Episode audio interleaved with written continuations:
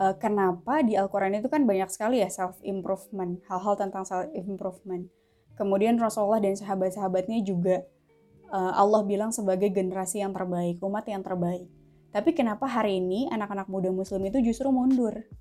Gitu kalau kita lihat secara kualitas, secara potensi, kenapa tidak sebaik uh, misalnya orang-orang yang lainnya?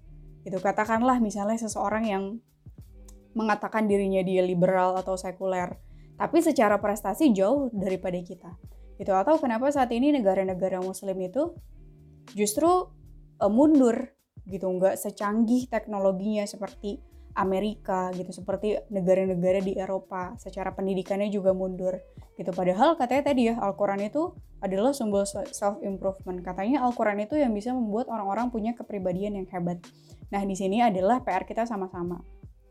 Kenapa karena kita tidak terbiasa untuk mengaplikasikan Al-Quran tapi kita cuma ngebaca doang gitu jadi Al-Quran itu uh, adalah kan Gmaps-nya kehidupan ya. Kalau kita lihat Al-Quran, kita tuh bisa tahu jalan menuju surga tuh ke mana. Oh ke sini jalannya, oh ini dulu jalannya Rasulullah ke sini, dulu jalannya Nabi Musa, Nabi Ibrahim dan seterusnya. Kita tuh udah tahu nih Muslim uh, hebatnya Muslim dibanding yang lainnya tuh kita tahu jalannya ke mana buat ke surga. Gitu. Tapi salahnya kita cuma ngeliatin doang Gmaps-nya itu ngeliatin tanpa pernah kita coba untuk melakukan perjalanannya. Kebayang nggak? Gitu. Jadi kalau kita cuma tahu doang, tapi kita nggak nyoba langsung turun ke jalan, kita tetap nggak ke mana-mana. Itu tetap aja duduk. Nah ini kesalahannya Muslim. Kita terbiasa untuk membaca Al-Quran tanpa mengamalkannya dalam kehidupan kita.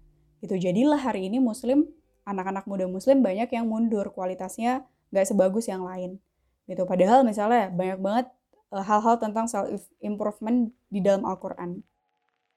Misalnya di At-Taubah ayat 105 gitu ya, Allah itu minta kita banyak bekerja dan banyak berkarya. Gitu ya, bekerjalah kamu, maka Allah dan Rasulnya serta orang-orang mukmin akan melihat pekerjaanmu itu dan kamu akan dikembalikan kepada Allah yang maha mengetahui akan yang gaib dan yang nyata, lalu diberitakannya kepada kamu apa yang telah kamu kerjakan. Berapa banyak dari kita yang ketika udah baca atau bahasa 105 itu bener-bener langsung kerja, gitu langsung berkarya langsung bikin sesuatu. Gitu karena beda kalau cuma ngebaca ya udah selesai. Gitu nggak ada impact apa pun ke dalam diri kita. Kita ya udah cuma sekedar tahu. Tapi kalau kita udah mulai bekerja kita udah mulai berkarya itu otak tuh muter terus. Gitu ketika mulai berkarya misalnya kita bakal mulai untuk ngeriset. Kita mulai memahami kebutuhannya pasar tuh apa masalahnya mereka apa yang bisa kita selesaikan kita mulai latihan untuk bisa disiplin menjalankan apa yang kita udah buat kita belajar menghadapi kegagalan seperti apa.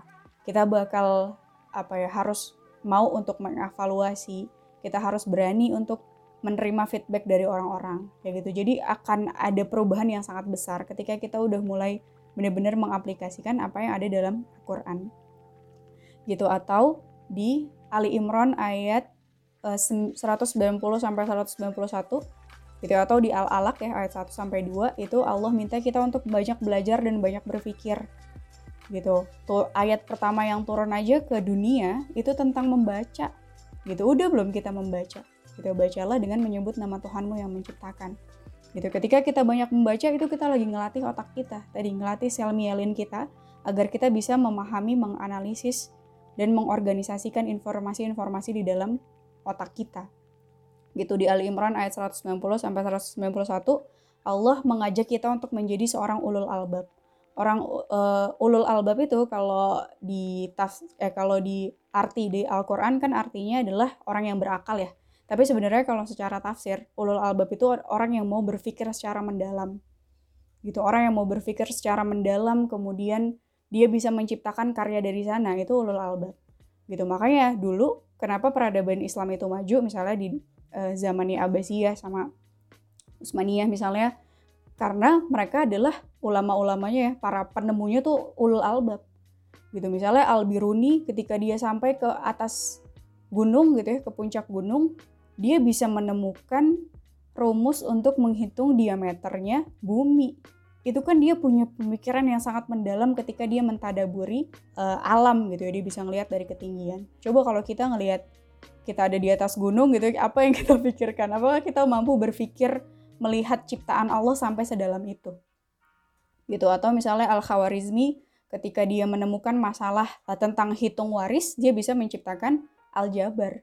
Tadi karena ada semangat dia pengen bisa beragama dengan baik, dia bisa pengen bisa memberikan manfaat dengan baik, dia bisa berpikir dan menciptakan banyak karya. Tuh muslim kalau udah menerapkan Al-Qur'an bakal sahabat itu. Gitu atau tentang uh, produktif ya al insyirah bagaimana kita sebagai muslim harus bisa menyambungkan satu kebaikan kepada kebaikan lainnya. Satu kebaikan dengan amal ibadah amal ibadah dengan amal ibadah lainnya. Jadi waktunya semuanya produktif bisa bernilai. Gitu atau tentang kerja profesional kalau kerja nih seorang muslim harusnya dia bisa profesional bisa ngasih yang terbaik kerjanya tuntas nggak setengah-setengah nggak hilang di tengah jalan kemudian bisa berlomba-lomba dalam kebaikan. Misalnya di Al-Muluk ayat 2 ya, eh, ahsanu amala, Allah itu menciptakan kita ke dunia ya, yang menciptakan yang mati dan hidup untuk menguji kamu, siapa di antara kamu yang lebih baik amalnya. Jadi kita tuh hidup ke dunia, dicek sama Allah mana nih yang paling baik amalnya. Karena itu kita berlomba-lomba dalam kebaikan, kita profesional, kita mengerjakan sesuatu dengan sebaik-baiknya. Jadi kalau masalah self improvement dalam Al-Quran itu udah banyak banget. Tapi masalahnya kita mau nggak ngejalaninnya. Kita mau nggak turun ke jalan, mau nggak keringetan, mau nggak ngerasain kesasar kayak gimana, mau nggak rasanya ngerasain rasanya puter balik lagi misalnya kayak gimana sampai akhirnya kita menemukan jalannya dan seterusnya.